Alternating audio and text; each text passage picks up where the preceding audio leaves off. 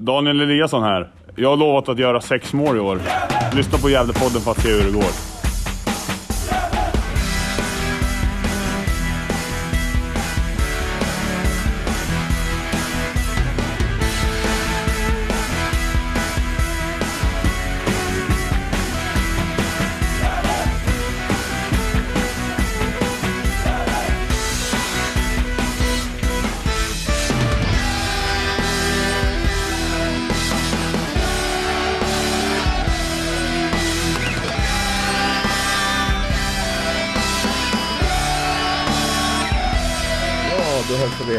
Välkomna till Gävlepodden och det är avsnittsnummer 320 i ordningen. Och med mig idag har jag Isak och Hugo. Jag kan börja med dig Hugo. Hur är din tisdagskväll? Den är bra. Eh, träningsledig ikväll idag eh, för ovanlighetens skull. Så att jag har det skönt här hemma och ja, njuter av att få, få ta lite lugnt för en gångs skull. Härligt att höra. Och hur är läget i Uppsala Isak? Jo, det är, det är okej. Det, det är lite mörkt och kallt nu, men det, det är väl som sig bör i november. Mm. Ja, visst är det så. Eh, planen idag då? I det här avsnittet där vi ska prata lite om ständiga frågan om vem som blir sportchef i Gävle IF 2023 och vem som blir tränare i Gävle IF 2023. Och vi kommer att prata lite först här om den fina artikeln, eller spännande artikeln och fina som Hasse eh, Carstensen och eh, Hugo Ådvall eh, har skrivit på Svenska fans. Vem bygger Gävle IF? Och sen kommer vi prata lite runt det och sen får ni lyssna på intervjun som jag gjorde med Mikkel Bengtsson idag tidigare. Så det är planen idag. Men vi börjar väl då Hugo, artikeln du gjorde med Hans Carstensen där. Vem bygger Gävle IF? Eh, vill du beskriva den eh, lite kort för den som inte läst den? Ja, men det kan jag göra. Ehm, jag ska erkänna att eh, det är Hasse som har gjort det stora jobbet bakom texten. Det är han som har skrivit de flesta i orden i den här texten. Men, men det, den kommer ju av en diskussion som jag och Hasse haft under flera veckor nu om just det här ämnet. Då. Ehm, Lite, lite om de här två frågorna som är väldigt heta just nu i, i, i Gävle IF. Eh, både kring, kring vem som ska bli sportchef och vem som eh, kommer att träna oss nästa säsong. Där vi båda är ganska kritiska, eh, fundersamma, ifrågasättande till eh, hur man väljer att eh, gå tillväga. Eh, det är ju en, en, en svår situation eh, där man håller på med att få parallellt. Eh, I den bästa världen så vill man väl ha en, en sportchef på plats eh, som är med och tar beslut kring, kring vem det är som ska träna laget. Eh, det är ju mycket, mycket de typerna av frågor som en sportchef eh, ska, ska vara med och besluta, besluta om. Eh, så att det är vi lite kritiska till. Eh, sen även eh, just att vi inte har någon sportchef, vilka det då är som, som eh, har hand om de här frågorna. Eh, där det är ytterst få personer som är med. Eh, det är ju på tränarfrågan så är det ju Dahlén och eh, Kraft eh, och på sportchefsfrågan så är det bara Daniel Kraft.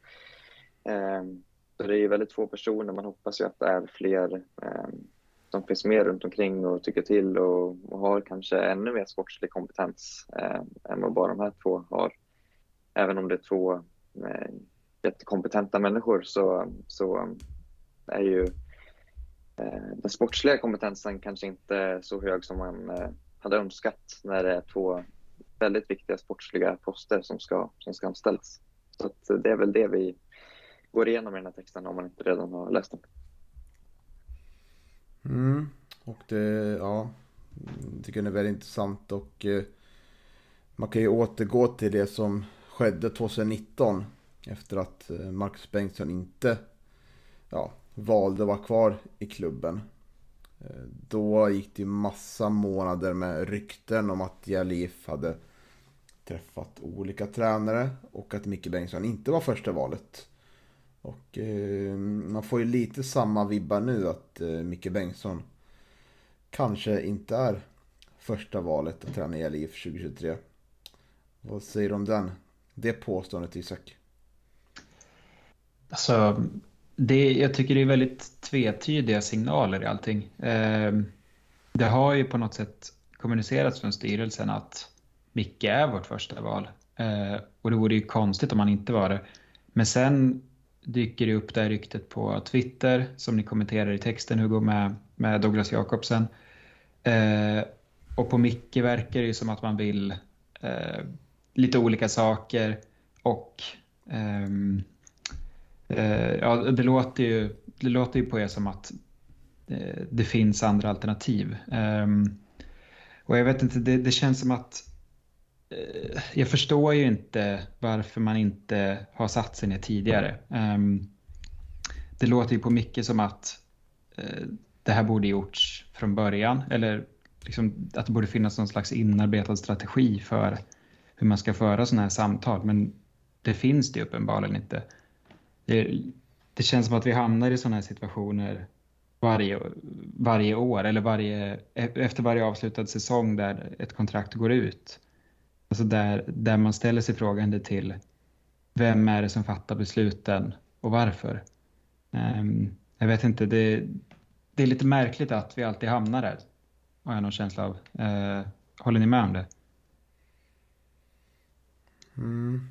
Vad tycker du Hugo? Ja, alltså nu har vi haft tre säsonger med Micke som har varit eh, ändå harmoniska får man säga. Mm. Eh, en, en, vilket har varit ganska ovanligt om man ser till, till de sista eh, snart tio åren i Gävle IF där det har varit ett eh, väldigt eh, eh rullerande bland, bland, tränare, bland, bland tränare till herrlaget. Så, så vi har haft tre år där det har varit lugn och ro faktiskt. Men eh, det är klart att, eh, lite som du var inne på Niklas, att man är ju rädd för att det ska bli någonting eh, likt 2019. Eh, och det, minns vi alla hur, hur det var då. Eh, och det är klart att vissa signaler som, som sänds ut nu är ju faktiskt eh, lite skrämmande likt eh, vad man var med om då. Eh, så att, eh, jo, det är klart att man, man helst vill undvika någonting, någonting sånt. Ja, och eh, jag tycker också att man borde ha knutit upp eh, Micke Bengtsson eh, ja, redan under sommaren på ett fortsatt mm. kontrakt. För jag såg redan då att det var ett betydligt bättre LIF får ett spel som ser bättre ut och är vägvinnande. Eh, men man får ju försöka fundera på varför det är så här liksom. Jag har läst, kolla fram en artikel här som skriven, uttalande från Daniel Kraft den 30 eh, september i år. Då pratar han ju om sportchefsjobbet. Och citat då. Den personen, oavsett vem det blir, behöver vara med i processen gällande tränarpositionen så det är inte helt enkelt att veta vilken pusselbit man kan lägga först, säger han. Slutcitat. Eh, men då tänker jag liksom att vi har inte haft någon sportchef sedan 2016. Och har vi en tränare som får laget att prestera, vägvinnande fotboll, skapar jättebra eh, lag, sammanhållning, Eh, får många att må bra i gruppen, för många supporter att må bra, för alla runt om Gävle IF att må bra. Eh, då, då blir den stora frågan, varför är det en stor tvekan som ska leda Gävle IF då? Eh, för mig är det 100% såklart då att mm. det borde inte vara någon tvekan då. Men det man börjar fundera lite på, och för att säga som det är, liksom, rykten är ju rykten liksom, så de, det behöver ju inte stämma alla de här namnen som skrivs i artikeln sådär. Det, eh, det kan inte vi veta liksom. Eh, men eh, att det kan ju också vara att det är en ekonomisk aspekt i det hela. För då säger han ju också 14 i 11. Citat. Kraft utvecklar också ett ekonomiskt resonemang. Det är lätt att många tror att när vi nu gick upp i Superettan så regnade miljoner över oss som vi kan använda. Mitt jobb är att säkra att ERLIF jobbar på ett hållbart sätt. Det går inte att skena iväg. Vi ska inte bli ett nytt Östersund. Slutcitat. Och där kan man ju läsa in kanske att den här tränarutbildningen som högsta som Micke Bengtsson, tror jag det är den högsta, saknar för att eh, träna i elitfotbollen. Att det kan vara den som kanske kan vara någonting man har gjort där man då har kollat runt lite efter andra alternativ. Det börjar jag faktiskt tänka på. Men där, alltså, jo det kan absolut vara så, men man måste också lägga in att ska man anställa en ny tränare utifrån som har den kompetensen kommer det kosta. Alltså löne, jag har svårt att se att det är, skulle vara så himla stor skillnad i kostnad att, att erbjuda Micke den utbildningen kontra att, att anställa en, en ny tränare med den utbildningen. Det kommer ju kosta oavsett hur man gör. Och då är det ju dumt att, att chansa med den kostnaden. Alltså, lägger vi de pengarna på något vi vet kommer funka, eller som har funkat, eh, så är det ju mycket säkrare när vi har den begränsade ekonomin vi har. Då lär man ju använda pengarna klokt eh, istället för om man, skulle, om man skulle köpa in en tränare som kommer kräva en högre lön eftersom man har högre utbildning. Så det, det är ju det blir på något sätt en kostnad vilket håll man än väljer att gå.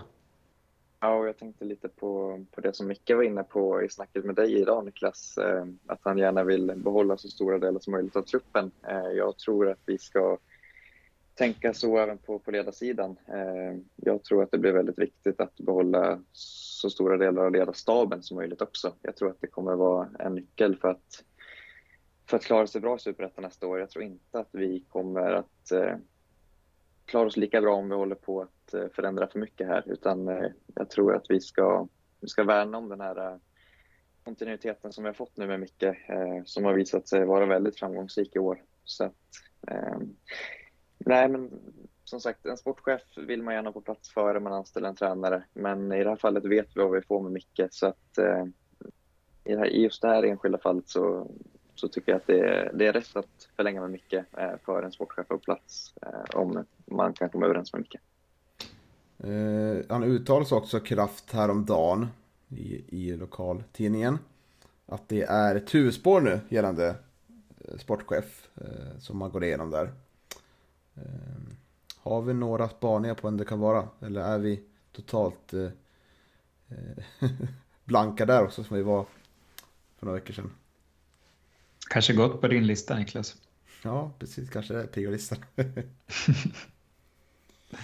Nej, men jag vet inte. Det, jag började fundera om den här kontakten med Douglas Jakobsen skulle vara ett sportchefsspår, men det känns kanske inte som det. Um, inga namn. Det, jag tycker det är, det är lite märkligt. Det, det, det kom ju ut en ansvarsfördelning eh, Eh, eller det var det första som skrevs i artikeln i GD, eh, där, det, där det framkom att det är Kraft som rekryterar sportchef och Kraft och Dahlén rekryterar tränaren som ska vara Micke, eh, enligt dem. bara. eh, och det, då känns det som att den här sportchefen, den rekryteringen borde väl ske i samråd med Micke känner jag också. Eh, Eh, jag vet inte, men jag kan inte komma på vem det skulle vara. Har du något Hugo? Nej, eh, jag har också tänkt på, på just den där äh, rekryteringsprocess, rekryteringsprocesserna. Mm. Äh, att det, det känns ju lite märkligt att det, det är både Kraft och Darén som, som är med och anställer tränare, äh, men att det bara är Kraft som anställer sportchef. det är klart att det, det gör att man funderar lite grann varför Dahlén inte är med i sportchefsprocessen. Eh, kan ja, han kan inte anställa sig själv. Nej, exakt. Eh, så det, det, är klart att den tanken har slagit en. Ehm, sen har inte jag hört någonting som kan, kan stärka det, men eh, det är klart att det blir en, en ganska naturlig tanke. Ja, lägger man lite pussel här så det Kraft säger att personen oavsett den blir behöver med i processen eller tränarpositionen. Eh, och om det är så att det är att eh, de har börjat kolla på andra tränare så kanske det är Kanske är Dahlén då som är tänkt att få sportchef och så har han påbörjat arbetet men att det inte är klart med förhandlingen än. Det kan ju vara ett scenario. Men frågan är vad det är som drar ut på det om det är Dahlén. För man har ju, man har ju vetat att man behöver en sportchef i flera år nu. Och om Dahlén nu har legat nära till hands så borde ju det arbetet kunna vara förberett.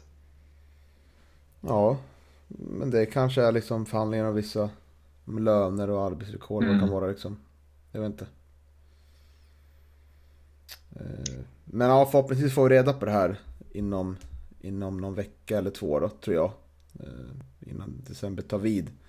Men eh, vad, vad tänker ni om intervjun med Micke Bengtsson då? Kanske för, om året i sig är väl jättefantastiskt och kanske inte så mycket frågor på men det han säger i slutet då om framtiden. Finns det några spontana reaktioner på det Isak?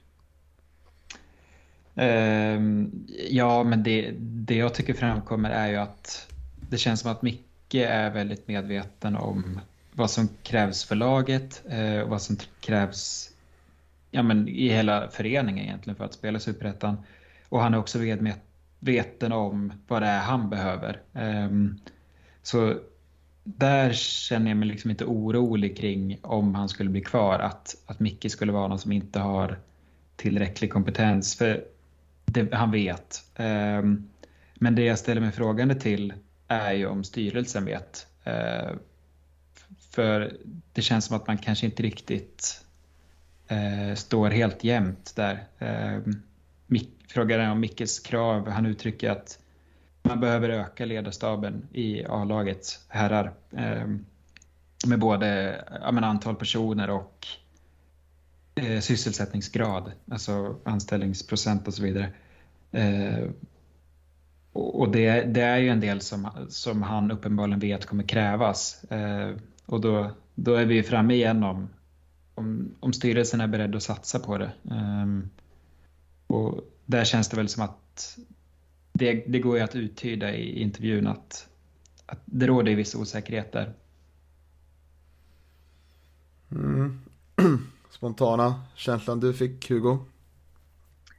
Jag tänkte på det här med, ja, det som egentligen kom efter eh, ryktet om, om Douglas Jakobsen då, eh, som, som inte alls ska ha varit aktuellt eh, om man läste intervjun med, med Dahlén i GD. Då. Eh, men, men det här med att Micke har, har erbjudits något form av förslag då verkar det som eh, till slut.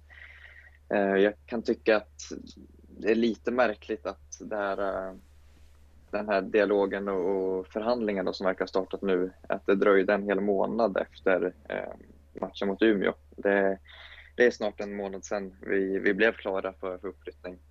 Och att vi nu eh, då snart, en, en månad senare, eh, att det skulle ta så lång tid för den här förhandlingen att, att verkligen bli konkret så här på riktigt eh, kan jag tycka är lite väl lång tid. Eh, med respekt för att jag inte har någon insyn i, i dialogen som har varit efter det. Men, men jag tycker att det, det känns som en, en lång sträcka för att ha kommit eh, hit i och med att det är en så pass viktig och central rekrytering för att kunna sätta igång så mycket annat inför nästa år som, som truppbygge och, och annat. Eh, så att, eh, ja, det var mest det jag, jag hajade till på. Ja, sen tänker jag också att det finns ju en risk också att vi efter en sån här fin säsong med så många bra spelarprestationer och ganska många står utan kontrakt att, eh, att det kan vara så att vi förlorar ganska många fina spelare den här stommen utan att få en krona för det. Och Micke är ju inte involverad i, i att förhandla kontrakt och det verkar vara Dahlén som gör det och eh, där tolkar man det, det som att eh, alla verkar vara intresserade men ingen har fått de förslagen. Vilket så här, jaha. Det, det, det, det, ja, det känns inte heller jätteklockrent om man får vara ärlig. Nej, och ja, man, man gick ut i GD och sa att det är ambition att behålla hela spelartruppen. Eh, och det är jättebra och, det är väl på något sätt vad alla önskar. Eh, att, att behålla så många som möjligt. Men ni har ju varit inne på det, men frågan är hur mycket man gör i nuläget för att det ska hända.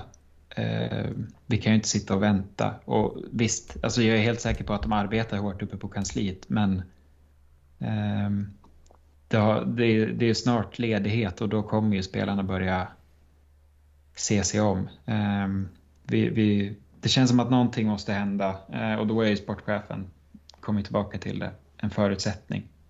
Och där, där händer det inget än. Precis.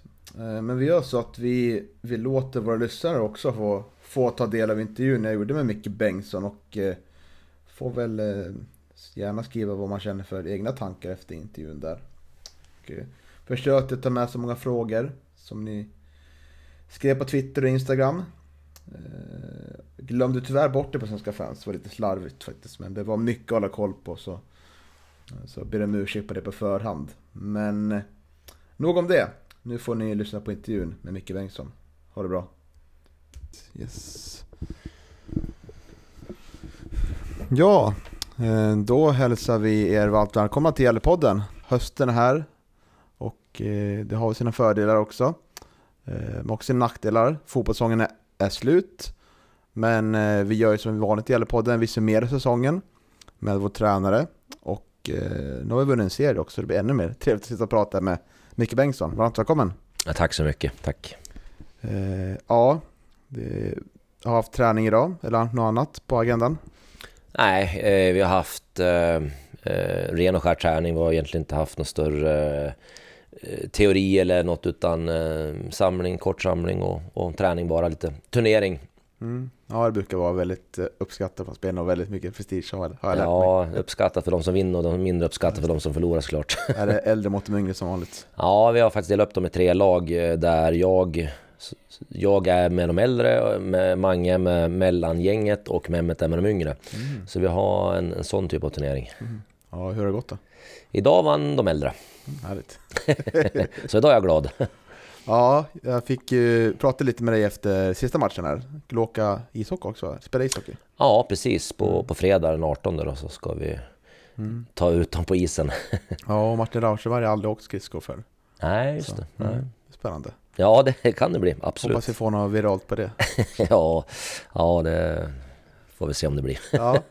Eh, men jag tänker att vi ska, vi ska ju prata om säsongen som varit och blicka lite framåt sådär. Eh, men jag tänker att vi kan, vi kan börja lite i, vi pratade ju halvtid där i, strax innan midsommar, innan, eller efter matchen Haninge hemma, mm. med 3-2. Mm. Eh, det var 14 omgångar, omgångar spelade. Trodde du att vi skulle vinna serien på sättet vi gjorde då? När vi, när vi gick på semester där? Eh, skulle vi vinna serien så skulle vi göra på det sättet vi gjorde. Eh, det skulle jag nog inte tvivla på. Eh, sen att vi skulle vinna serien, det, det, är fortfarande... Ja, det är, jag vet inte om det har sjunkit in om jag ska vara helt ärlig faktiskt. Eh, det är ju mm, återigen det är någonting helt fantastiskt att, att vi gör det tycker jag faktiskt. Och som sagt, som, som du säger, även hur vi gör det. Som sagt var, det, där och då när vi träffas då innan uppehållet så, så nej, jag hade nog inga tankar alls på att vi skulle vinna serien. Eh, och det har vi ju återigen inte haft heller under säsongen att det är det som är vårt liksom, mål på något sätt. Eh, utan eh, det, det, har ju liksom såklart vuxit fram under, under säsongen. Och, och som sagt, och det är kanske också det som är svårt att verkligen ta in, ta in just nu att vi faktiskt har gjort. Mm. Jag kommer ihåg att vi pratade också då att vi låg i tvåa i bortatabellen och hade mött alla förmodade topplag på bortaplan och mm. tagit mycket vinster. Eh, och eh, sen hade vi alla lagen på hemmaplan. Mm. Eh, och vi har ju otroligt fin hösten med många fina prestationer. Mm. Framförallt kanske Sandviken-matchen tänker jag som mm. högsta prestation. Men vad, mm. hur tänker ni i ledarteamet? Vilken, vilken match tycker du har varit som, som bäst i sett i prestation och utfall? Oj, eh, ja, utfall är alltid bra när vi vinner. Mm. Eh, så då är det alltid bra. eh, ja, men prestation... Hmm. Ja, det, det, jag tycker det finns ganska många att ta av om man ska vara helt ärlig. Eh, Karlstad hemma första halvlek är fantastiskt. Eh, jag tycker vi har Sylvia hemma. Delar av den matchen är helt också prestationsmässigt fantastiskt. Eh, jag tycker Sandviken borta tycker jag är en ja, det, det, är också en prestation över 90 minuter som jag tycker också är jättenöjd med. Eh, jag tycker Piteå borta, eh, den, den eh, helheten som vi presterade den matchen är också otroligt bra. Ehm, så det finns säkert glömt någon enstaka sak, men, men jag tycker det finns många saker, många matcher som jag skulle kunna lyfta upp och och just prata om prestation. Eh, utfallen vet vi, det har ju varit fantastiskt under hela hösten mer eller mindre. Men, men prestation tycker jag har följt resultatet under hösten definitivt. Att, aj, jag tycker vi har gjort mycket bra prestationer. Mm. Och det, är ju, det är ju lätt att göra jämförelser med 2021. Mm. Det tycker jag vi gör ändå för att det är intressant.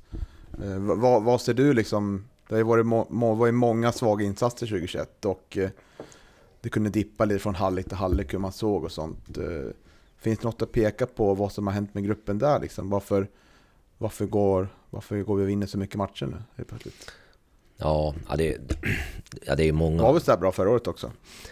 Eh, nej, nej, det ska jag inte säga. Inte, inte den här uh, jämnheten som, som vi har visat upp i år. Det, det är klart att det vi skulle säga att vi var långt ifrån. Det fanns absolut höjdpunkter även under 2021 tycker jag. Eh, men den höjden kontra vår lägsta nivå var ju på tok för, för, för, för långt ifrån varandra såklart. Ehm, men jag tycker att framförallt eh, det, det vi har gjort i år och hur vi har kunnat hålla det, det är fortfarande att vi har vi har följt eh, våran liksom målsättning så fruktansvärt bra. Ehm, och den målsättningen har ju varit annorlunda 2022 än vad den var 2021 exempelvis. Sen om det är hela sanningen, det svårt att svara och säga att det är det, men eh, det är en stor del i alla fall. Mm. Skulle du säga att det kan skilja sig mycket i vad man säger, hur, hur spelarna reagerar i halvtid och där om man ligger under med med någon boll och så här, kroppsspråk och attityd eller vad man kan säga sådär? Ja, men, ja, men absolut. Eh, vi, vi har ju jobbat med, ja, från dag ett mer eller mindre med, med vilka beteenden vi ska ha. Och beteende är ju såklart ett, ett begrepp av, av olika saker. Dels är det ju ett inre, en inre beteende där, där alla spelare kommer med olika bakgrunder, de olika historiker, de olika värderingar och så vidare som, som, som de finns inne i varje spelare. Eh, och sen har du den yttre, det yttre beteende, vad du faktiskt gör och hur du faktiskt uppträder och, och, och vad du genomför och så vidare.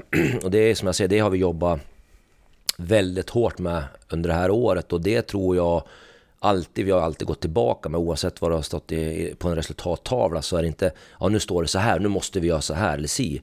Utan vi har alltid pratat om, okej okay, hur är våra beteenden? Mm. Är de, är, är de okej okay för oss? Eh, gör vi det vi kommer överens om oavsett vad det står på adress? Och det, det tror jag har varit, ja det tror jag faktiskt har verkligen varit en nyckel till att, ja men okej, okay, vi lägger under någon match. Så har inte det liksom känt att, ja men vi känner oss så osäkra på att resultatet är inte det vi vill. Eh, så vi, vi liksom vet inte vad vi ska göra utan fortfarande tror jag vi alltid har känt att vi har kommit in till oss och liksom, ja men vad är det för beteende vi ska ha? Vi, vi litar på det. Mm. det. Det skulle jag säga, som sagt det finns fler nycklar men jag tror att det är en stor, stor nyckel. Mm. Och eh, tänker på det här fina talet du på Trädgården mm. eh, efter Umeå-vinsten och eh, stora festen där. Mm. Eh, pratade om de här fem faktorerna. Mm. Styrelsen, kansliet, ledarstaben, spelartruppen och supporterna. Mm. Mm. Att alla har varit bidragande till att det mm. blev en så fin säsong. Mm.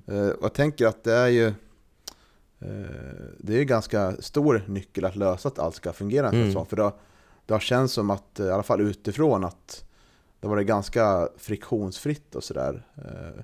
Men eh, är det, är det en sann upplevelse? Har det liksom varit, har flyttat på väldigt bra? Eller har det funnits, här, funnits skav och sånt, eller man kan säga? Alltså ska vet jag inte, inte vet riktigt vad det begreppet ska Nej, betyda. Men har det funnits men, liksom så här svår, svåra beslut? Har det funnits det problem i spelartruppen som, som mm. man har mm. löst internt? Nej, alltså jag tror så här, det, det man ska komma ihåg eh, det är det att det, det är lätt att Ehm, bara säga att i år gjorde vi allting rätt. Eh, jag, jag tycker verkligen att ja, jag får, jag får nästan vända tillbaka till mitt berömda uttryck med process här egentligen. Det här är någonting som har pågått under tre år. Det, det, det, vill jag verkligen förstärka i det här läget. Och vad jag menar med det är ju att vi har jobbat ändå med liksom samma metoder, vi har ändå jobbat med, med samma typ av humanistiska ledarskap, vi har jobbat med, med samma Eh, termologi utifrån vad vi vill göra och inte göra och så vidare. Eh, och det har vi gjort under alla tre åren och det är fler som har köpt in på det, eh, tycker jag.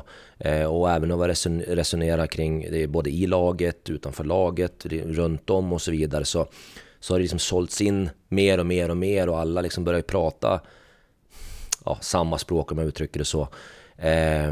Vilket såklart ändå har lett till att vi har behövt haft olika åsikter och vi har behövt ta beslut och, och så vidare. Men i och med att vi har liksom vela samma saker så har ju det liksom någonstans ändå alltid kommit fram till att det här blir bäst att göra. Eh, sen... Eh, kan inte alla vara överens om allting hela tiden. Det går ju inte och det, så ska det inte vara heller. Utan, utan däremot så ska man vara väldigt lojal mot det man kommer överens om. Och det är tillbaka till en av nycklarna i år, att vi, vi är lojala mot vad vi har kommit överens om att göra. Eh, och det, det, är väl det jag tycker liksom någonstans flera har varit med på. Mm. Eh, nu när det har gått några veckor sedan Umeå hemma där och var klart med Superettan. Eh, fanns det några nerver i spelartruppen tycker du? Eh, fanns det några moment där man såg liksom under match eller på träning, oj nu är, det, nu är det verkligen nära här? Eller har det varit, har det varit så fantastiskt, fantastiskt att sett på, som vi supportrar sett på planen, att det bara liksom, det har känts som att det, har inte funnits nerver i det här laget i år? Nej, alltså jag, jag är så sjukt imponerad av den här gruppen. Eh, och, och, av de här människorna och de här spelarna. Eh, vi hade en sittning eh, ja, jag kommer inte ihåg exakt eh, vilket datum det var men det var, det var absolut några veckor innan Umeå. Ehm, där vi egentligen eh, ställde frågan eh, till gruppen utifrån eh, vilken känsla de har. Eh, och vad, vad, är den känslan? Är det rädsla? Är det oro? Är det glädje? Är det eh, motivation? Är det, ja, återigen, de fick jobba i grupp och, och komma fram till och berätta för varandra vilka känslor de har. Det, det svar de kommer fram till är så imponerande att alla har mer eller mindre samma känsla och alla har positiva känslor. Eh, vi valde att välja de här, att ha de här känslorna som röd, gul och grön. Det är klart, skulle vi haft för många röda känslor så hade det ju inte varit bra. Då hade vi hamnat kanske i ett läge att många hade varit för nervösa och, och inte gillat situationen. Men majoriteten var på grön känsla. Eh, vilket återigen inte var som jag tror bara att man säger utan de, de, vi har haft väldigt högt i tak och varit raka och ärliga med varandra hela resan tycker jag. Och när de säger det så vet jag att jag och Sören hade en diskussion efter det där. Alltså det är helt otroligt att vi får det svar vi får. Eh, och eh, ja, där och då kände jag att det, det, kommer inte falla på att vi kommer att vara nervösa eller att vi kommer liksom att inte klara situationen. Mm. De som eh, svarar gult då, vad, vad var de lite mer Nej, men, men, men såklart nervositet fanns det ju. Eh, jag kommer inte ihåg på rak arm exakt vad, vad uttrycket var för respektive färg och så vidare. Men, men eh, det var väldigt få som, som låg på röd, alltså det vill säga extremt jobbiga känner med ångest eller depression och så vidare. Det var nästan ingen, det var ingen som låg på det om man ska vara ärlig. Utan det fanns den där gula som, som fanns en anspänning och nervositet och så vidare. Men som sagt det behöver inte vara, heller vara en en dålig känsla men, men som sagt var eh, många, majoriteten hade samma och det, det tycker jag är det viktigaste. Mm. Och när vi ändå är inne på Sören då, mm. som en ny assisterande mm. för år. Eh, vad kan du säga vad han för betydelse för det här laget? Ja, först och främst så ska jag säga att Sören har de här tre år. Ja, förlåt, ja. Nej, alltså vad jag menar med att han är ju fysiskt på plats i år. Men Sören har varit med mig i tre år utifrån att vi har haft varenda sak vi har diskuterat så har jag diskuterat med honom. Mm -hmm. eh, och han och jag har jobbat under så många år och vi, vi känner varandra helt utan innan. Så för mig är det inte så att oj, han kom in i år och nu händer det någonting. Vi har haft många, många, många diskussioner under, under många, många, många år och även de sista tre åren som, som jag varit här i Gävle. Eh, Nej men Sören kommer in med, en, med en, ett ledarskap eh, som, som jag tycker och som vi står för, både han och jag, det är att vara humanistiska. Där där är vi väldigt villiga att lyssna på gruppen, vi, vi, eh, vi är väldigt villiga att diskutera med gruppen, vi vill försöka hitta gemensamma vägar istället för att vi ska bestämma att så här ska ni göra. Där är han också extremt skicklig på att, att formulera sig i. Ehm, så att, eh, och det är ju en otroligt varm människa, en människa man vill ha runt om sig som, som sprider glädje. Ehm, så att eh, Sören, det är absolut. Sören har betytt jättemycket, inget snack om saken, lika väl som många andra eh, har gjort under det här. Och då tänker jag givetvis på, på både Mange och Mehmet också som, som har varit med på den här resan. Ska man komma ihåg att de också varit med på den här resan och, och och tagit steg i sin eh, liksom personliga utveckling tycker jag. Eh, så att eh, det, det, är inte bara spelarna som har tagit steg utan det, det är fler som har gjort det. Mm. Jaha, så Sören har varit som en... Det hade kunnat, om, man inte var, om man inte hade varit anställd av klubben hade det kunnat vara någon plusartikel. Här, här, är, spe, här är ledaren som formar Micke Bengtsson kanske? ja, ja, vi formar nog varandra tror jag faktiskt Ja. om jag ska vara ärlig. Eller jag hoppas det i alla fall. Ehm, det uttrycker som Sören alla fall att han har lärt sig otroligt mycket i år. Eh, och det är kul, eh, tycker jag, att han, att han säger det och jag vet när han säger det så menar han det också verkligen. Eh, det är kul att vi kan ha utbytt saker till varandra. Vi känner att vi båda två växer av, av varandra och ehm, såklart, det gynnar givetvis helheten. Så det. Var det svårt att övertyga Sören att eh, komma till klubben?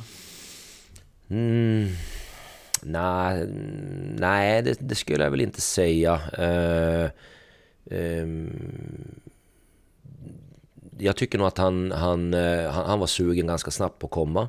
Han, han, han vet vad han får när han jobbar med mig och hur vi jobbar tillsammans. Så att det, det tror jag absolut inte var ett hinder utan det var mer att ja, eh, han har haft andra saker på, på sidan också. Så att, ehm, och jag vet han, han är som mig, att går du in i någonting så kommer du göra det mer eller mindre dygnet runt.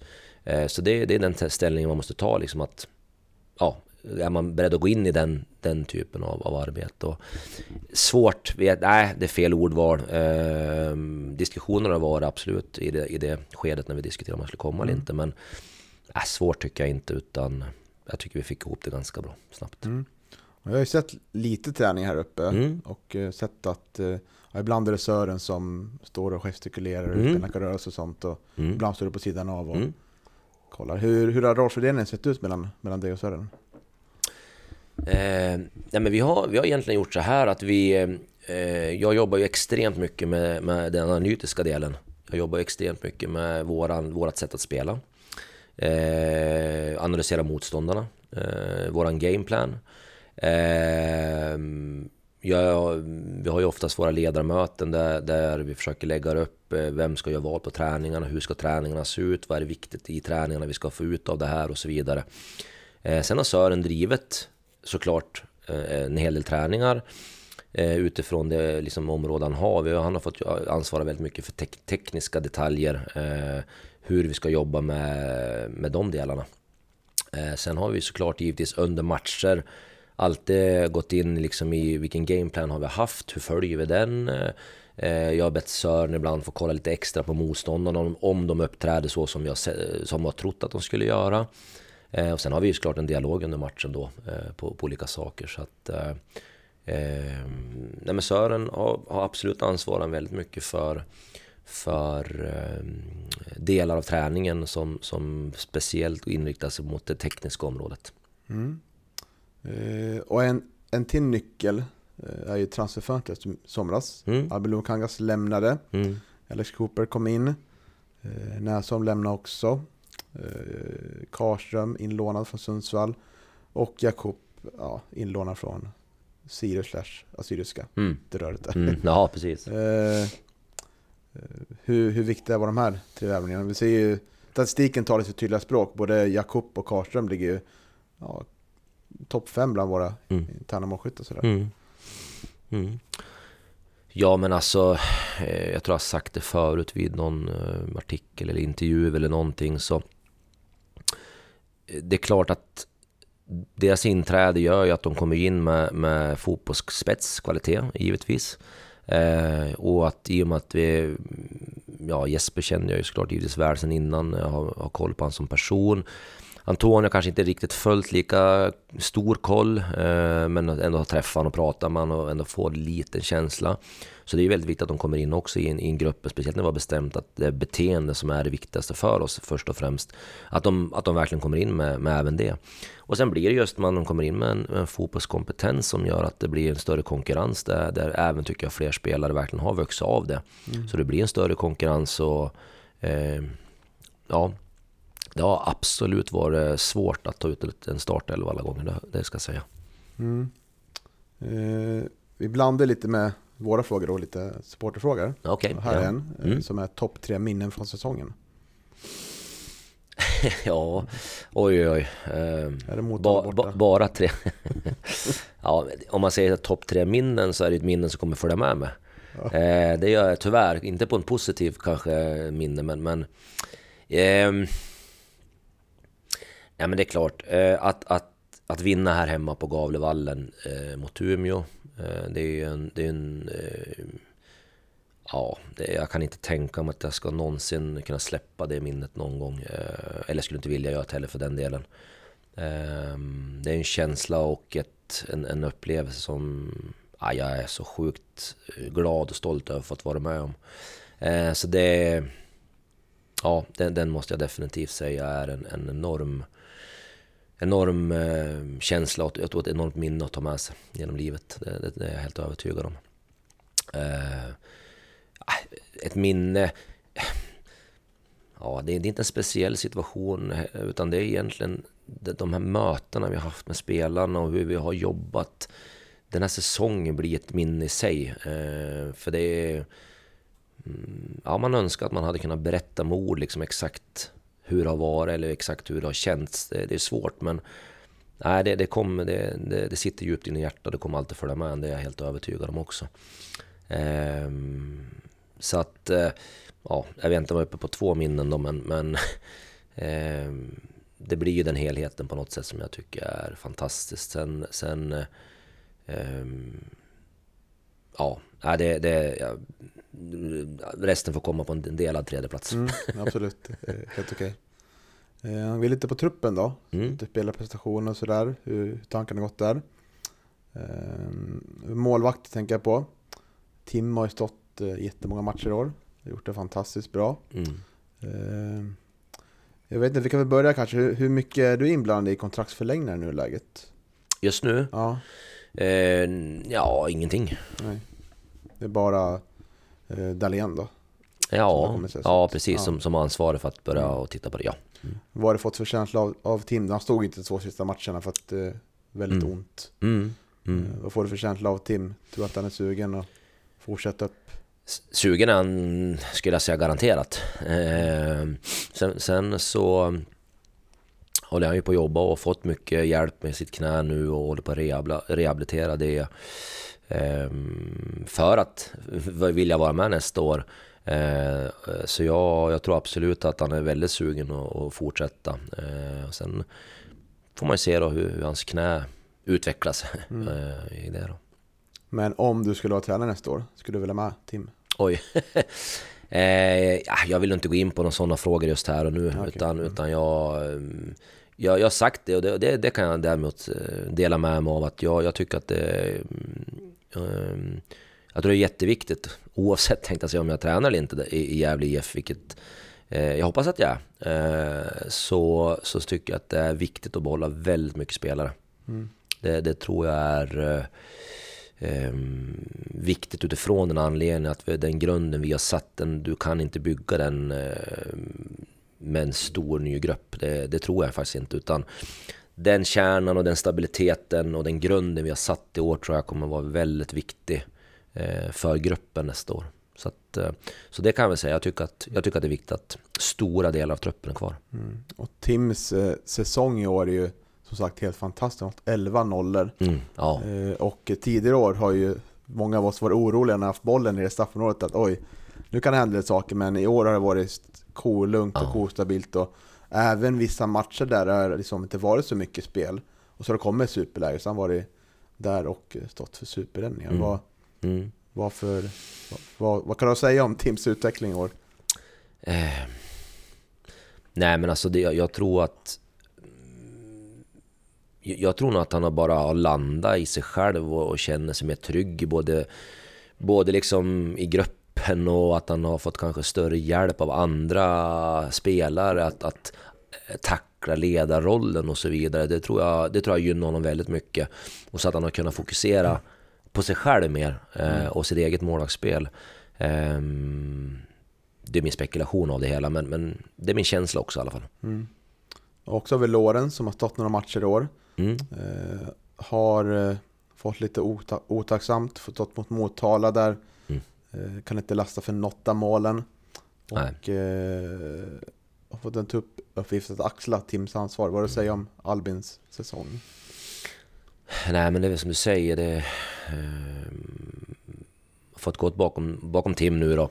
Förhoppningsvis har det väl gett honom mycket utifrån att han har fått jobba nära Tim och fått mycket tips och råd och och så vidare. Eh, sen är det klart att han inte kanske stått så många matcher som man, man kanske hade önskat att han skulle göra. Han har ju fått ändå gått ner lite grann i, i P19 och har gjort ett antal matcher också. Så att, men absolut, han man ja, kanske haft, skulle haft lite mer matcher helt enkelt. Då, men eh, jag tycker absolut att, att eh, Albin har, har gjort ett, ett jättejobb också eh, bakom, bakom Tim och hela tiden stöttat Tim, han har hela tiden stöttat laget, varit, försökt vara beredd när hans chans dyker upp, eh, gjort sitt bästa på träningarna.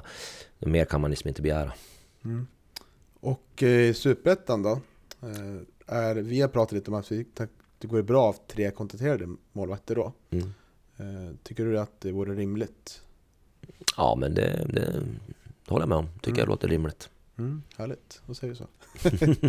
Nej, men försvaret då? Där har vi haft, eh, jag tänker på mittbackarna. Rauschenberg har varit mittlås, mm. eller bildat mittlås hela säsongen mm. med, med olika mittbackar. Han började med William mycket i våras. Mm. Eh, då var det mer en trebackslinje då, mm. med Wallin också. Mm. Eh, sen har ju eh, Hansemon spelat en del, och Nisse Eriksson mm. kom tillbaka. Eh, det var det många som har delat på positionen bredvid Martin. Mm. Hur har tankarna gått där när, när det gällt mittbackspositionen? Mm. Ja, nej men det är... Eh, ett kan man säga så här, det är klart att vi måste titta lite grann på deras form, eh, hur det ser ut. Eh, vi måste titta också på deras egenskaper, eh, vad som vi tycker är bäst i matchen. Och utifrån det så får man lägga ihop de delarna. Och sen är det ju, tycker jag, det har varit... Det är egentligen inte någon som har underpresterat på något sätt. Det är ingen som har varit dålig. Så att det har också känts som att vi, vi kanske också behövt ja, men rotera dem lite grann för att ändå hålla dem fräscha. Så det har ju varit som en kombination av alla de eh, faktorerna egentligen, skulle mm. jag säga. Mm. Och eh, Cooper kommer in som vänsterback. Eh, hur skulle du jämföra honom med Louis här när säsongen är spelad? Då får man få annan dimension. Mm.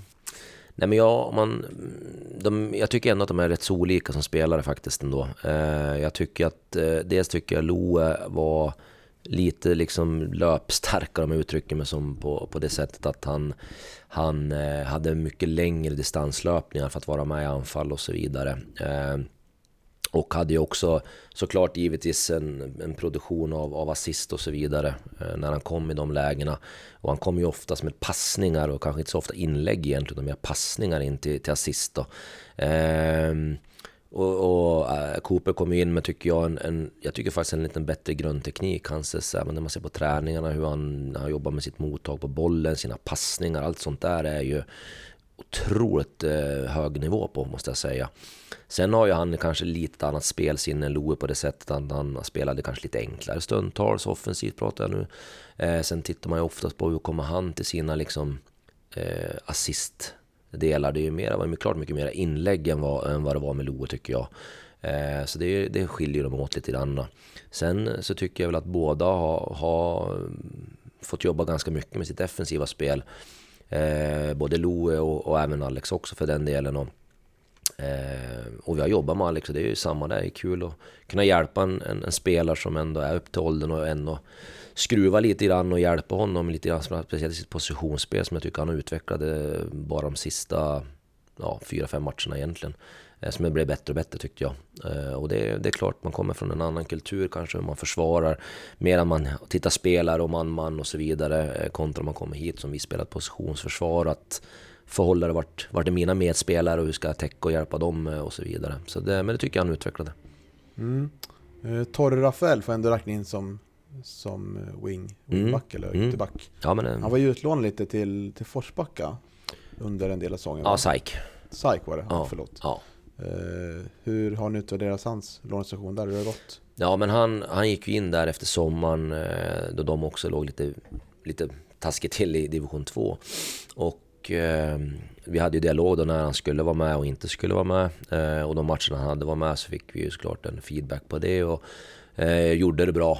Eh, de var väldigt nöjda med hans prestation och sen de mer eller mindre började bli klara i sin serie så ville de ge sina egna spelare chansen för att dels, ja men såklart spela men också eventuellt eh, titta på om de är aktuell för nästa år för dem själva. Så, att, så det blev inte så mycket på slutet tyvärr för honom på det sättet, men man fick ändå en del matcher där. Mm. Eh, och mittfältet har vi ju ganska många spelare. Jag tycker många har gjort det väldigt bra. Mm. Mm. På slutet vart det ju ett nästa ordinarie mittfält som var väldigt svårt att ta plats mm. i. Det var ju mm. Jonsson och Karström på varsin kant. Och, mm. eh, Jakob eh, Lundin och eh, Ranera Mm. på mitten där. Mm. Eh, Men i början var det även Eliasson. Mm. Riktigt bra i början Mm. tycker jag. Passar Mm. riktigt bra i, i den formationen. Mm. Eh, hur, vad, vad är nyckeln till det här? Om du tar in i mittfältet då? Ranera, Lundin och Jakob. Eh, vad, vad var tanken när Jakob kom in? Att han skulle, skulle han starta på mittfältet? Eller var det tanken att han kanske skulle vara där Leo spelar? Nej, nej, jag, nej, nej inte, han kom inte in som en grundtanke som nia. Eh, han är ju han är forward, det vet vi om och, och han har spelat mest forward också. Så att det, det var väl egentligen inte, alltså det visste vi om så, men jag hade också en dialog med honom innan han kom att vi, vi spelar ju dels inte med två forwards eh, och, och Leo Eh, ja, återigen, det vet vi alla hur han har presterat. Är, är ju en spelare som vi ville spela helt enkelt där uppe. Eh, så vi diskuterade den här offensiva in i mittfältsrollen egentligen eh, till, till Antonio.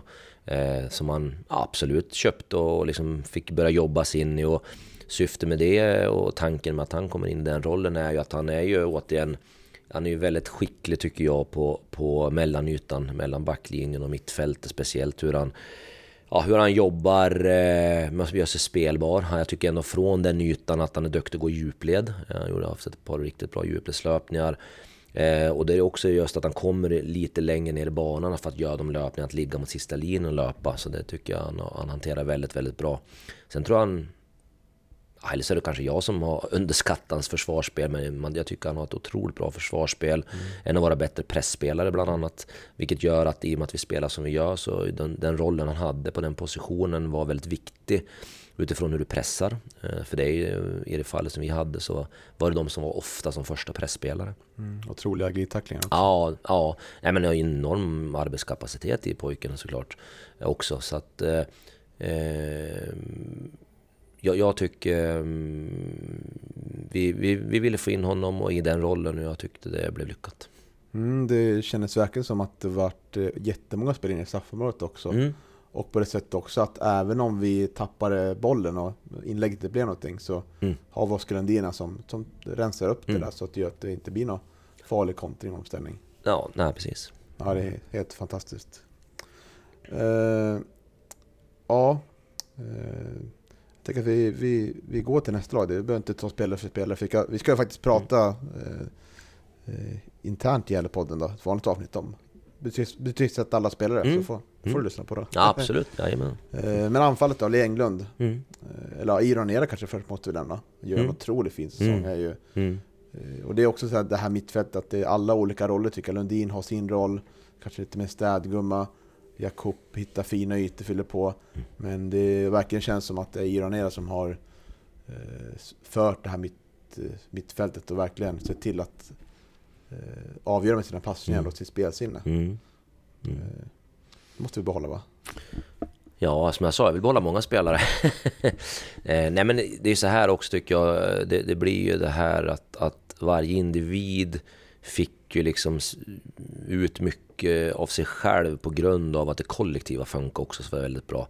Jag tycker ju, och nu nämner vi bara de spelarna, men jag tycker fortfarande vissa spelare Oskar Karlsson, han kommer in, Danne när han har spelat, Pontus har ju också spelat in i mitt, men just den rotationen de har och hur de delar varandras ytor eh, tycker jag var också en, en eh, klart eh, framgång för oss. Eh, eh, och inte så att vi blev för liksom, eh, Eh, statiska i våra positioner. De, de, de har verkligen fått till det tycker jag, eh, vilket vi har önskat många år, att, att kunna jobba med dem inne i mittfälten, att kunna jobba och dela ytor med varandra och, och så vidare. Och det har de ju det har de lyckats med. De flesta av våra innermittfältare tycker jag hur de hanterar det och den rollen de får. Sen såklart de spelar på sina egna egenskaper givetvis, vilket är eh, det du vill. Det du vill med ett, ett, en lagidrott, att få ut individens egenskaper men även att det funkar kollektivt. Mm. Ja, och anfallet då. Eh, Lee Englund har gjort otroligt mycket mål och eh, Mm. ja, var ju skadad i början av säsongen men Mm. sen har han spelat i princip nästan varje minut där känns som. Mm. Ehm, Satt ju förra året och beklagade sig uppe i Piteå över att bolltouchen kanske inte var där, avslutsfoten inte där. Ehm, Ja, är det, vad är nyckeln till, till Leos fina säsong? Ja, det får nog fråga han tänkte jag säga. Nej, men jag tror tillbaka till det, eh, återigen vi pratade om Sören kommer in och vi, vi, vi sa att vi vill, vi vill ha en, en, en ganska bra inriktning på det här med teknik. Liksom. Man tycker att det kanske bara är ja, man är på seniornivå och ska man på jobba med teknik. Ja, men just det här med, med, med, första touchen, att vi jobbar med rätt fot och så vidare är väldigt viktigt. Och det tycker jag Leo återigen och bland annat gjort, gjort jättebra i år. Och den, den, eh, liksom jag, tycker han, jag till och med jag tycker han har utvecklat sin speluppfattning på, på hur han ska agera själv och hur han ska agera med andra. Jag tycker hans defensiva eh, jobb har varit enormt. Eh, jag tror många gånger man glömmer det. Att han ja, bara gör mål, men han gör ju enormt mycket jobb defensivt också för laget. Ehm, så det, nej, Lea har gjort en, en jätte, jättebra säsong, absolut. Mm. Och det går verkligen att säga, som, precis som du sa i talet på tävlingen, att det gjort det tillsammans. Mm. Jag tycker att man kan säga det om alla spelare i truppen mm, i år. Absolut. Ja. Och även eh, Tutsu och Ibra som spelar väldigt lite, men gör jättefina insatser mot Team Teger där.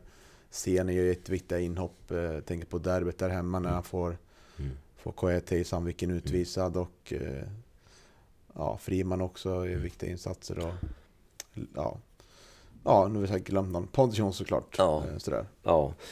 Nej men det är så, det, och det, det är ju det, är det ni ser tänkte på matcher, vilket ni, vilket liksom ni får. Det, det ska man komma ihåg då också att alla våra träningar så är, är alla spelare där också och gör samma prestationer. Eh, och det är det jag tycker är eh, tillbaka till det man säger att men alla har bidragit. Såklart att man har bidragit på matcher. Vissa har ju som sagt spelat mycket mer än andra och så vidare. Men man har ändå bidragit och man har fått chansen och gjort sitt. Eh, men vad jag menar också med att bidra, det är det att det, det är det de har gjort på träning. Eh, precis som du säger så är det ju många spelare som inte har spelat speciellt mycket men, men aldrig varit på träningen och, och liksom inte haft inställning att göra sitt bästa och hjälpa de andra och försöka liksom ta hand om sig själv och göra sitt bästa så att säga. Så det, det, det för mig är verkligen också har bidragit eh, som, jag, som jag tycker. Mm. Eh, men om, om man ponerar då, truppen i år, hur stor, 22-23 spelare? Eller? Eh, I år, som var nu? Ja, ja vi har ju varit eh, Eh, ja, beror på om man räknar med hjälte då i och för sig, men, men om man tar bort honom eh, ja, mot slutet så har vi varit eh, 20 spelare då, eh, plus två målvakter. Just det. Om man ska bygga en trupp för Superettan, hur skulle du lägga upp det? Då? Skulle du bygga en större trupp då, eller skulle den vara, skulle den vara samma, samma siffror? Mm. Nej, det måste bli större. Eh, det tycker jag. Eh, antalsmässigt exakt ska vi kanske inte säga på att det finns en, en exakt siffra, men, men, men större behöver den vara. Ehm, det tycker jag för att det kommer slitas mera. Eh, det, det, det, tror jag absolut. Vi kommer behöva träna lite tuffare, lite hårdare, lite oftare. Eh, så det kommer behöva avlastas fler spelare, så det behövs ju mer att gå runt på. Eh, sen hoppas jag tror att man kan även ha ett u så att, så att fler spelare kan vara igång och, och hålla sig fräscha och vara aktuella när det, när det dyker upp och så vidare. Så att det, det skulle jag nog säga. Mm. Är det planen på att starta ett u lag ja, Vi får se. Mm. Det har varit uppe på bord och diskuterats så att eh, vi får se vart det landar. Men ett sånt arbete då, om du blir kvar vill säga. Eh, när du får det, om du får det beskedet och säger ja. När, när börjar arbetet inför, inför nästa år? Då är det när du får, får man en spela, när den spelarbudgeten kommer då? Så mm. man kan sätta sig, ah, okej okay, det här vill vi sätta, liksom, så här många spelare vi vill ha. Och, Ja men så är det. Det är klart att budgeten är ju väldigt avgörande i många saker såklart. Men sen kan man alltid börja med att jobba med strategier, hur man vill ha det. Eh, sen får man ju kanske börja parera de strategierna lite grann utifrån att ja men vi hade inte de pengarna. Eh, kan man använda samma strategi eller ska vi vrida på den?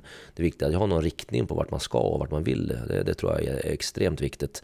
Eh, sen då så får det ju såklart, ja absolut, ekonomin har en stor betydelse, det är inget snack om saken. Så att då får man ju försöka titta på vad, okay, vad räcker pengarna till? Eh, vad, vad kan vi göra för att maximera då det vi vill eh, i förhållande till hur mycket pengar vi har? Mm. Eh, skulle du säga då, gällande spelsättet då? Vi, om vi tar säsongen som har varit då. Eh, vilka, vilka utmaningar ser du på sättet vi spelar nu? Finns det fler steg att ta? Ja, absolut. Eh, ja, men det, det gör det. det. spelar nog ingen roll hur man spelar så finns det absolut det eh, att, att utveckla. Ehm, dels såklart tycker jag, ja men egentligen i alla skeden, jag tycker eh, dels vårt, om man börjar med ett defensiva spel så tycker jag att det finns ju en ännu mera jobb med att kunna som sagt bli lite högre i sitt försvarsspel när vi vill och önskar. Eh, det skulle också kunna vara lite grann, man kan vara lite mer flexibel i sitt försvar, eh, försvarsspel. Eh, det vill säga att man skulle kunna snabbt kunna korrigera kanske sina positioner lite grann just för att man behöver kanske pressa eller inte pressa eller vad det är. Så det finns ju en, absolut en utvecklingspotential i det. Så det är en sak. Offensivt så så att det, det, är, det är komplicerat att spela offensivt och det finns klart det finns mera saker att utveckla här. Hur man både attackerar givetvis eh, men också samverkan mellan fler spelare eh, är ju också en, absolut en utvecklingspotential. Eh, flexibelt försvarsspel, det skulle kunna vara en situation där det blir en kontring och sånt. Att hur man lär sig att ställa sig på rätt sätt då.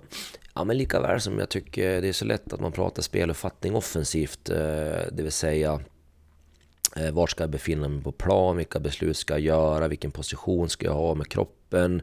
Eh, vilka, eh, har jag koll på mina motståndare, mina medspelare för att kunna ta ett vettigt eh, offensivt beslut?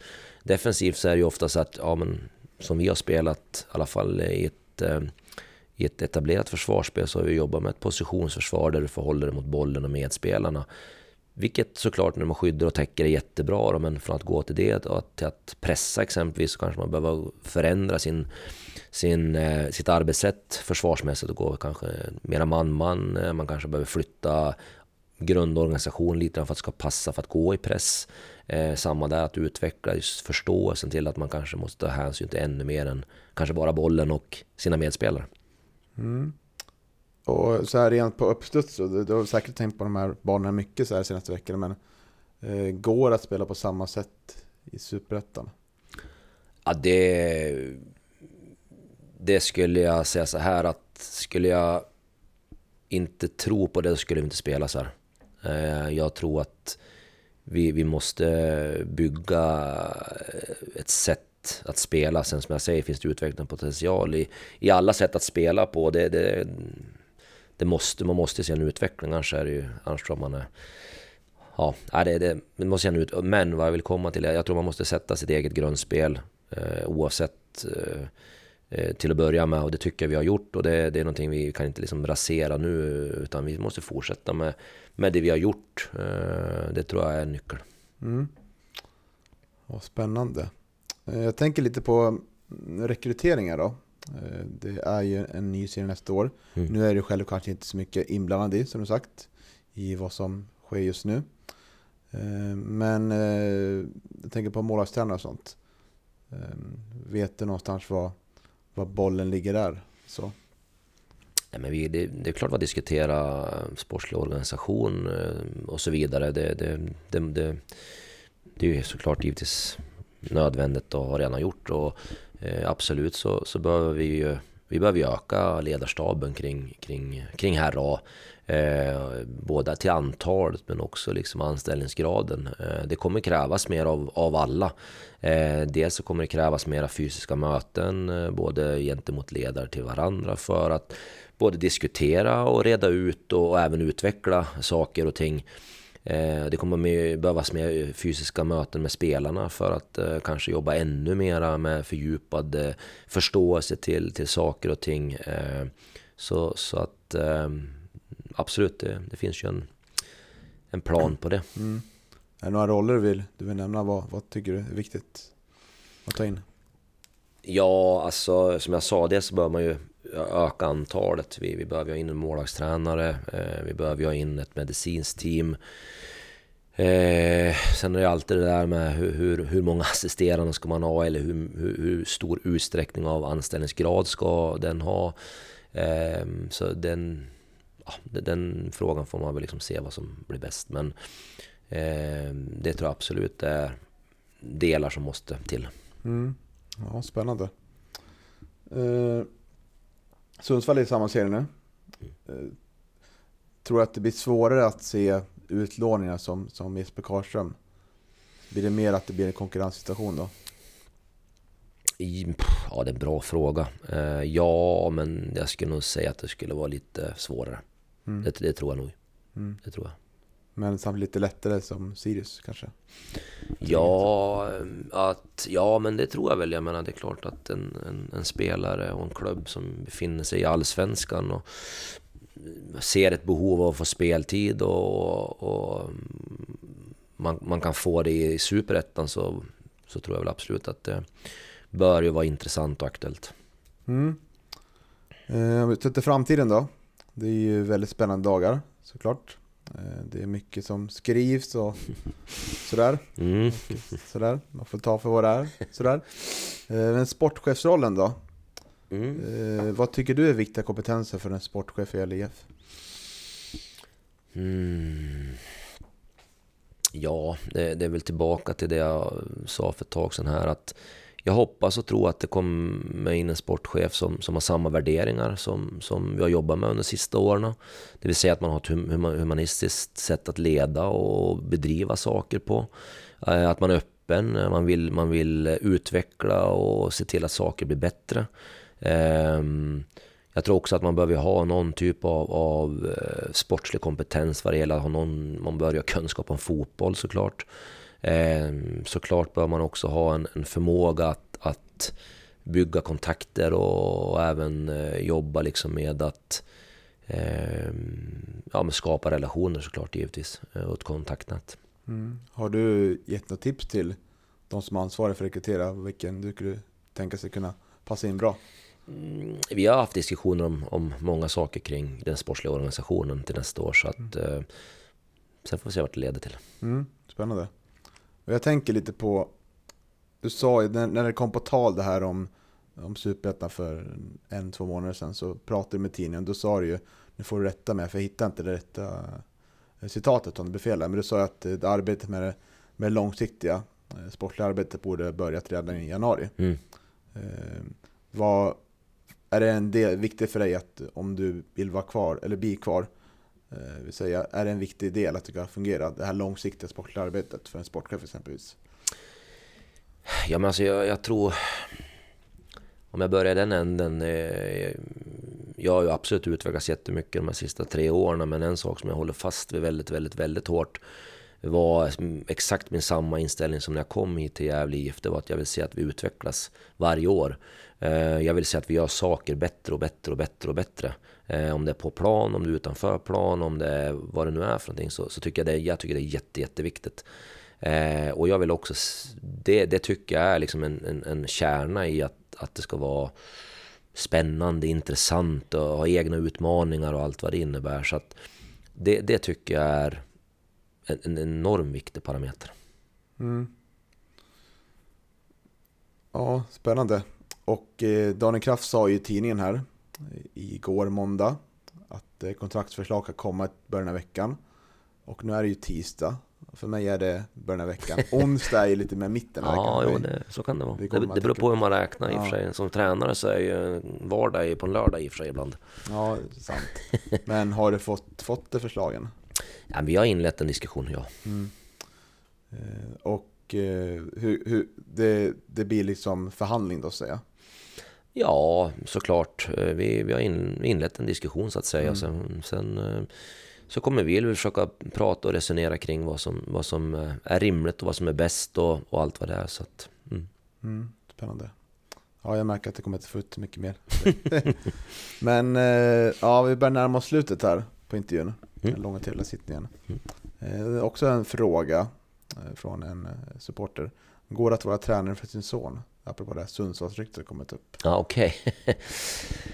ja, alltså... Eh, jag har väl inte riktigt satt mig in i det så här fullständigt eh, exakt vad det skulle innebära om man ska vara ärlig. Eh, men för mig handlar det om att vara professionell och jag, jag känner att skulle jag hamna och träna min son om det är i något lag oavsett eh, Sundsvall, Gävle eller vad det nu än är för någonting så, så behövs det ju vara väldigt tydliga direktiv på, på vad, vad som gäller. Dels internt mellan han och mig såklart givetvis, eh, men även inom klubben. Liksom att vad, vad det är som förväntas i en sån situation. Eh, Eh, skulle jag säga. Sen vad man kommer fram till, det, det vet jag inte här och nu. Som jag, har inte, jag har inte funderat på det, på det, på det, på det sättet. Men Eh, samtidigt skulle jag tycka det var skitkul. Eh, en, en spännande fotbollsspelare. Mm. Ja, spännande. Eh, Men eh, hur, hur mycket flyter i dina tankar nu då om, om fortsättningen? Sådär? Hur mycket funderar du på vad som händer 2023? och Sådär?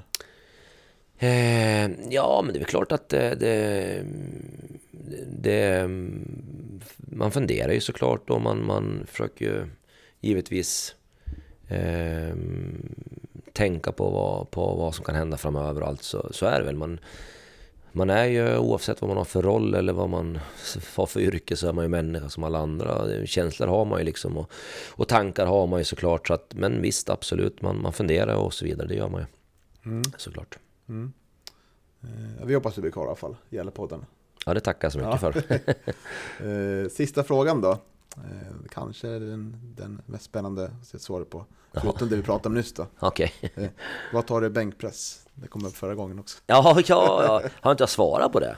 Jo, men det kanske har skett en utveckling uppåt Ja. eller neråt. Ja, ja då, då ska jag garantera att den har gått neråt. Det är, då. jag är inte i närheten av det jag, det jag har tagit en gång i tiden, det ska jag väl säga. Men eh, det var väldigt länge sedan jag provade att ta något, något maxlyft där, det, det ska jag säga. Men jag tror inte att jag är närheten av det jag en gång har gjort i alla fall.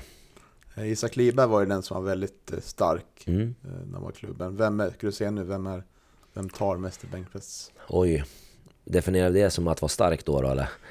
Ja, jag, har ingen koll på sådana här saker. Eh, oj, ja. Eller så se vem som är starkast då. Ja, ja det var en bra fråga. Ehm, pratar vi bara spelare nu då? Här kan ta ledare också, eller alla. Ja, men jag... Ja, men jag bör nog fortfarande ligga i topp av, på bänkpress skulle jag tippa på. Ja, härligt. och för övrigt, jag mötte eh, vår tredje målet här nere innan. Han sa att ni hade fått medaljer nu på så låg Ja. ja. Jajamensan. Trevligt. Ja, vad går, går det att berätta om dem? Förlåt? Vad går det att berätta om dem? Är det... Nej, men du, ja, du får ju, det, man får det från alla som vinner sin serie. Får ju silvermedaljer då. Eh, De gånger man får guld är när du vinner SM. Det är guld. Eh, Så att annars får du en guldmedalj. Eller förlåt, eh, silvermedalj. Mm, häftigt. Ja. ja, men grymt då. Mm. Eh, Tack Micke Bengtsson för i år.